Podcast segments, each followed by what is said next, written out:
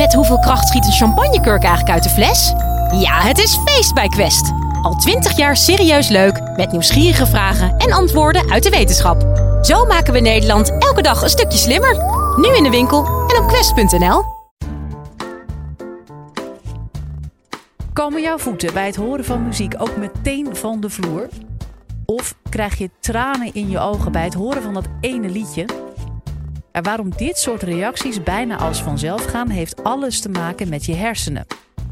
Ga er eens goed voor zitten en hoor van professor Erik Scherder wat er in je hersenen gebeurt als je naar muziek luistert. Dit is de Universiteit van Nederland. Hartelijk dank. Zeer welkom, dames en heren. Wat leuk om hier te zijn en uh, met u iets te delen over uh, ja, muziek en het brein. Dat is toch geweldig als u het realiseert wat muziek zou kunnen doen aan hersenfuncties. Uh, eerste vraag misschien, leuk, om u een beetje in de sfeer te brengen. Wie van u luistert graag naar muziek? Wie van u, dat is ook belangrijk, voelt emotie als hij naar muziek luistert? Ja, zie je, fantastisch. Alleen, dan kom ik tegen voor de andere. Kijk, dit is de helft van uw brein. Dat heeft u inmiddels wel gezien dat ik hem even uit elkaar gepeld heb. Um, het mooie is als u um, luistert naar muziek en u, um, u voelt er emotie bij. Dan, dit is, hier zit uw neus. Dit is de voorkant, hè, dus frontaal weer. en ik, ik doe het een beetje, laat het, geef het zo aan. Dat is voor de mensen in de zaal niet altijd even meteen helder. Maar als u denkt aan emotie van muziek, dan zie je gebieden die hier op deze, dit niveau zo'n beetje liggen, vlak bij de motorische gebieden. En het aardige is als je dus emotie voelt bij muziek. Ik weet hoe u dat ervaart, maar dan heb je heel gauw al de prikkel om mee te bewegen. Voelt u me mee? Hè? Je, je hoort die muziek, het doet je iets. En u voelt eigenlijk, in, ja, u kunt het bijna niet afremmen. Of u wil gewoon meebewegen. Dat is heel logisch, omdat die emotie, uw neus zat aan deze kant, omdat die emotie van die muziek heel dicht ligt bij die motorische gebieden. Dus u begint te bewegen. En die emotie die kan ook bij u een soort zeg maar, autonome reactie teweeg brengen. En dat betekent dat u voelt iets van een rilling. Een, een shivering. u, u, raakt geëmotioneerd, maar u voelt het ook echt in uw lichaam. Wie van u voelt dat wel eens? Dat u, die, dat u zo'n shivering voelt en bij een of ander stuk. Fantastisch. Ja. En, die, en die shivering, dat, dat, dat gevoel dat u erbij vanuit, vanuit uw centraal zenuwstelsel, dat zit weer hier wat meer in die frontale gebieden. Ik wou u er eigenlijk op wijzen, dat is dat frontale gebied, natuurlijk waar een startgebied is van grote circuits. Ik laat u een beetje de binnenkant zien. Dat het een startgebied is van grote baansystemen die van voor helemaal naar achteren toe lopen. Daar wil ik u graag met u eens eh, nader naar kijken als het over muziek gaat. U ziet al meteen dat twee belangrijke componenten van muziek, namelijk de emotie en de autonome res respons erop, die shivering die u voelt, dat dat al gebieden zijn die op afstand van elkaar liggen, maar en als u een beetje modern in de neurowetenschappen zit, dan weet u misschien wel, je moet niet meer denken tegenwoordig, hier zit het ene en daar zit het ander. Het zijn functionele circuits met elkaar, zowel aan de buitenkant als hier aan de binnenkant. Functionele circuits, gebieden die met elkaar communiceren op afstand. Even voor, ook voor nu, voor het begrip belangrijk. Hoe groter de afstand is tussen gebieden, bijvoorbeeld van voor, hè, uw neus zit hier, van voor naar achteren toe, hoe groter die afstand die overbrugd wordt, hoe complexer de cognitieve functie. Je kunt je over iets weer voorstellen. Gebieden die op grote afstand liggen, die dan met elkaar communiceren, dan moet het ook iets te betekenen hebben echt in het brein. Wie van u, dat was mijn andere vraag nog, dus we hebben het al gehad over emotie, autonoom. Wie van u bespeelt er een muziekinstrument? Ja, best veel ook, ja. Prachtig. Want u voelt wel aan, ja, optimaal is als je natuurlijk een muziekinstrument bespeelt, want dan heeft u de motorische actie. U heeft de visuele actie, want u ziet die muzieknoten. U heeft een auditieve input, want u hoort de muziek. Dus het komt van drie kanten binnen. Hè? Als je het hebt over verrijking, zoals we het ook in het eerste college hadden over het bewegen, is muziek een geweldig voorbeeld van verrijking. Misschien even een vraag nog aan de zaal. Wat gebeurt er met het muziekonderwijs in Nederland? Kijk, in Amsterdam hebben we nu. Ja, maar het is ook om te huilen. Wat gebeurt er met het muziekonderwijs in Nederland, dames en heren? Dat gaat naar beneden. Nou komt, hè, mevrouw Gerels heeft het hier in Amsterdam, komt een nieuw project, fantastisch. Maar het is toch wel een verarming dat we het gymnastiekonderwijs eruit halen. Dat we de muziek eruit halen. Omdat we denken dat we daarmee dat jonge opgroeiende brein een plezier doen. Het antwoord is nee. Want muziek, ga ik u direct laten zien, meer over vertellen. Is een geweldige prikkel. Een geweldige verrijking voor dat brein. Een voorbeeld. Gottfried Schlauk heeft uh, studies gedaan met muziek, heeft kinderen een muziekinstrument laten bespelen. Hè. Maar nogmaals, ook het luisteren naar muziek is al van geweldige invloed op het brein. Heeft kinderen een muziekinstrument laten bespelen en een groep niet. En die heeft gekeken, wat gebeurt er nou in dat brein als die kinderen een tijd lang beginnen met het bespelen van een muziekinstrument. En dan zie je dat dit gedeelte hier, het corpus callosum, dat is de verbindingsbalk tussen beide hersenhelften in, zit hier middenin. Een groot vezelsysteem die beide hersenhelften met elkaar verbindt. Dat volume van dat corpus callosum, van die verbindingsbalk, neemt toe in die kinderen die dat muziekinstrument bespelen. En dan zult u zeggen, wat heeft dat voor, voor consequenties? Nou, u kunt zich voorstellen dat die hersenhelften in de ontwikkeling dus veel beter met elkaar, met elkaar gaan communiceren. Ongelooflijk belangrijk, want waarom? Die hersenhelften, zoals u misschien wel weet, hebben natuurlijk niet allemaal dezelfde functie. Integendeel, ze hebben verschillende functies. En wat je ziet bijvoorbeeld bij ehm, kinderen, bij volwassenen met letsel in dat gebied waar die uh, verbinding is tussen die beide hersenhelften, is dat die, dat gedrag en emotie niet zo op elkaar zijn afgestemd.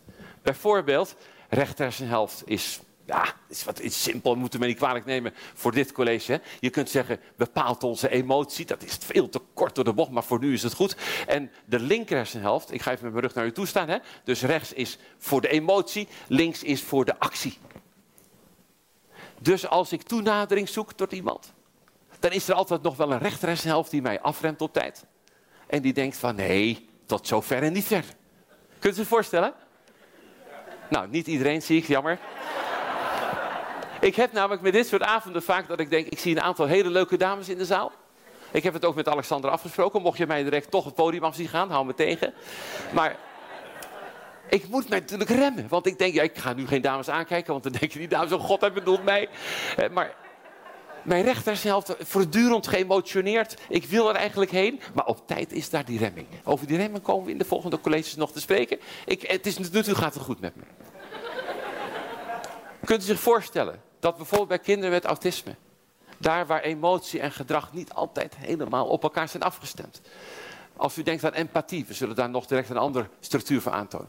Muziek heeft daar een geweldig effect op. In die ontwikkeling van het brein. Er is een studie geweest. Oh, er zijn een aantal studies, maar ook met brain imaging, waar beeldvormende technieken zijn gebruikt. En daar heeft men gekeken naar het effect van muziek spelen op een systeem wat verbindt frontaal, voorzijde, met gebieden helemaal achter de achterkant. Juist die contacten tussen voor en achter, dus die grote overbrugging hier, is enorm belangrijk voor een functie als sociale cognitie. Sociale cognitie, daar bedoel ik mee empathie. U weet wat ik bedoel, hè? Het feit, dat doen we de hele dag, het feit dat ik denk te weten wat u denkt. En dat u denkt te weten wat ik denk. Dat gaat er ook altijd mis, er staan de rode bladen vol mee, maar in principe doen we dat de hele dag. En dat, dat doen we dus dankzij grote baansystemen, die hier frontaal, met name ook een klein beetje hier aan de onderkant, orbitofrontaal, dat zit echt vlak boven je oogkas, hier, dit gebied, heel belangrijk daarvoor, verbindt met gebieden hier achterin.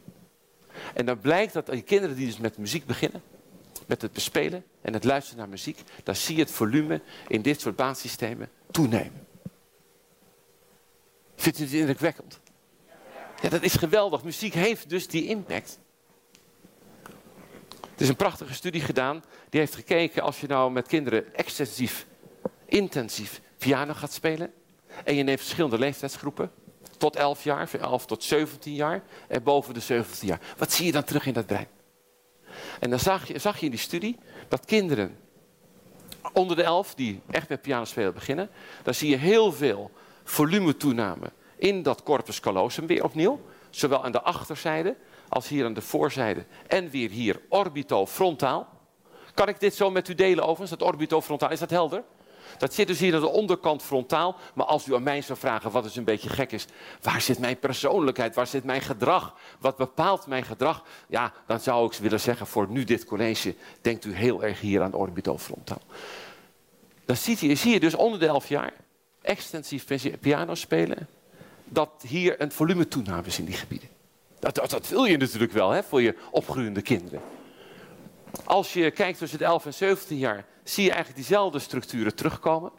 En boven de 17 jaar zie je een prachtig contact ontstaan tussen een taalgebied wat hier ligt, het gebied van Wernicke, en het gebied, een taalgebied wat hier ligt, het gebied van Broca. Misschien wel bekend bij u. Bent u mee bekend, de twee gebieden? U moet even reageren. Nee, dat zijn er veel meer, maar die twee zijn op zich redelijk veel beschreven, uiteraard. Uh, het gebied van Wernicke meer voor het begrip van taal. En uh, het gebied van Broca voor de productie van taal. En dan zie je dat de verbindenis tussen die twee neemt weer toe qua volume. Boven de 17 jaar bij die groep die intensief piano speelt. En dan zult u zeggen, goed, dat gaat dus over gezonde kinderen. Die veel spelen. Die verbindenis leggen tussen taalgebieden. Zie je dat dan ook terug bijvoorbeeld bij patiëntenpopulaties? Het antwoord is ja, en dat, dat, is indrukwekkend. Ik heb het al gehad over kinderen met autisme. Wat, wat mij betreft al een ongelofelijke belangrijke populatie is. Die natuurlijk in die opgroei alle steun nodig heeft en, en verrijking die je maar kunt geven. Het is niet voor niks dat je wel eens leest, casuïstiek van kinderen met autisme, die niet spreken. En die na met muziek in eh, contact zijn gekomen, van liever eens steeds meer gaan spreken. Denkt u dan nog eens aan, dat, aan die verbindenis tussen het gebied van Wernicke en het gebied van Broca? Die verbindenis in die muziekstudie. Maar interessant is ook, als je bijvoorbeeld kijkt naar mensen die een herseninfarct hebben doorgemaakt. Geef ik twee voorbeelden van. Herseninfarct doorgemaakt, ernstige beschadiging, vaak een afasie. Afasie betekent een taalstoornis. De taal, hè, taal zit in het algemeen in onze linker hersenhelft. Dan zag je in die studie, mensen kregen muziektherapie aangeboden, intensief. Dat in, na een verloop van tijd nam de rechter hersenhelft nam uiteindelijk die taalfunctie over. Want die rechter hersenhelft is ongelooflijk gevoelig voor muziek. En wat je ook ziet, en is ook al eens een keer hier in de media geweest, die onderzoeken lopen nog, dat mensen die niet kunnen spreken, wel kunnen zingen. En zich via de zang uiteindelijk kenbaar kunnen maken, hun wensen enzovoort. enzovoort. Dus moet u voorstellen, hè, dat die wereld gaat natuurlijk nog open. We zullen het straks nog hebben over muziek bij de ziekte van Alzheimer. Maar even voor dit punt. Het leuke is, vindt u het heldere boodschap, dames en heren? Ja. Het leuke is, dat eigenlijk al die structuren die ik hier noem, met name orbitofrontaal, met die verbindenissen naar achteren toe, ontzettend belangrijk zijn voor onze wijsheid, zeg maar. Dus je moet voortdurend denken in die colleges, in die paar gebieden die ik maar kan noemen, of die neurale circuits, dat is eigenlijk het beste, die dragen dus mee en bij aan onze wijsheid. Nou is mijn vraag aan u, denkt u dat als wij ouder worden, dat we dan eigenlijk alleen maar inleveren? Wat is uw gevoel? U moet even reageren. Denkt u dat op mijn leeftijd dat eigenlijk alleen maar inleveren geblazen is? Ja, omdat u mij ziet. U denkt, ja, die man heeft reuze ingeleverd. Wie denkt dat het misschien wel nog een tijdje gelijk blijft als je ouder wordt? Wie denkt dat het echt allemaal achteruit gaat? Ja, ik heb Prozac bij me, dus u kunt wat slikken voor degenen die depressief worden. Denkt er, zijn er nog mensen die denken, er gaat nog iets vooruit als je ouder wordt? Wat denkt u? Ah, precies, je wordt wijzer. En is het mooie in het brein, ja, dat, is echt, dat is echt geweldig, vind ik. Niemand die zich dat realiseert, 1, 2, 3. Er komt zelfs een baansysteem bij als je ouder wordt. Er komen, er komen dingen bij. Dat had u echt niet gedacht een half uur geleden, dat er nog iets bij kwam op mijn leeftijd. Dat geloof je gewoon niet. Het is wel zo. En dat is verbindenis vanuit die frontale lob dat is verbind uit frontale lob naar een kern die hier wat dieper in ligt, de amygdala. Oh, die kent u vast wel, want dat is de kern voor de emotie. Hè? Nou, het is allemaal wat eenvoudig gesteld en vaak de negatieve emotie. Het is niet helemaal juist meer hoor, het is ook heel belangrijk voor positieve maar negatieve emotie. En wat zie je nou? Dat baansysteem wat erbij komt, dan zie je dat die frontale lob, doordat die versterkt wordt, remt op die amygdala als je ouder wordt. Waardoor negatieve emoties, negatieve gebeurtenissen in je leven eigenlijk onderdrukt worden. Kunt u zich dat voorstellen, dames en heren? Dat als je ouder wordt, wordt het er steeds leuker op. Vindt u helder, die boodschap? En, en, dit zijn studies die vragen aan mensen, hoe kijkt u terug op uw leven? En dan zie je in die studies dat die mensen zeggen, nou, ik heb het, ik heb het niet zo slecht gehad. Ja, ik heb wel een goed leven gehad. Maar u was wees toen u 14 was. Ja, dat is zo. Maar dan heeft het niet meer die impact, zeg maar. Dat wordt onderdrukt. Het, het brein zorgt ervoor dat als je ouder wordt, dat je eigenlijk de positiviteit ingaat. Dan hoor ik wel eens mensen uit de zaal die roepen, nou, die ken ik niet hoor, die oudere mensen. Dat roepen ze dan. Dan zeg ik, nou, dan moet u vooral van omgeving veranderen. Want dan zitten u echt in de verkeerde omgeving. Want ja, in het algemeen, ik weet niet of u dat zo ervaart, de wat ouderen onder ons, maar ik heb een heel jong publiek hier, die zullen dat misschien wel willen beamen. Ik zal u één voorbeeld willen geven. En Alexander had een plaatje voor me meegenomen. Ja, dat is deze. Kijk, ontzettende leuke studie. Moet u even meekijken. Deze dame is dezelfde. hier lacht ze niet. En op een van deze twee plaatjes heeft ze een fake lach. Heeft ze een fake lach en een echte lach. Wie roept even? Wie denkt dat dit de fake lach is? Zegt u even ja of nee. Even handen omhoog. Right. Wie denkt dat dat de fake lach is? Oké, ik heb spreek kunnen aflopen, dus u kunt gewoon komen. Het is namelijk, het is deze. Het is, dit is de fake lach. Nou is het leuke, en dan ga ik afronden. Jong en oud, jong en oud, kunnen heel goed onderscheid maken tussen fake en niet fake. Maar de oudere is aangetrokken, voelt zich aangetrokken tot beide gezichten. En dat is precies wat ik de hele dag meemaak. Iedereen denkt, wat zijn die mensen aardig voor me, hè? Ja, ze, ze menen het niet, maar dat geeft niet meer.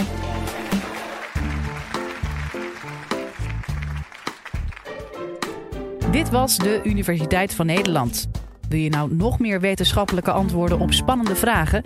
Check dan de hele playlist.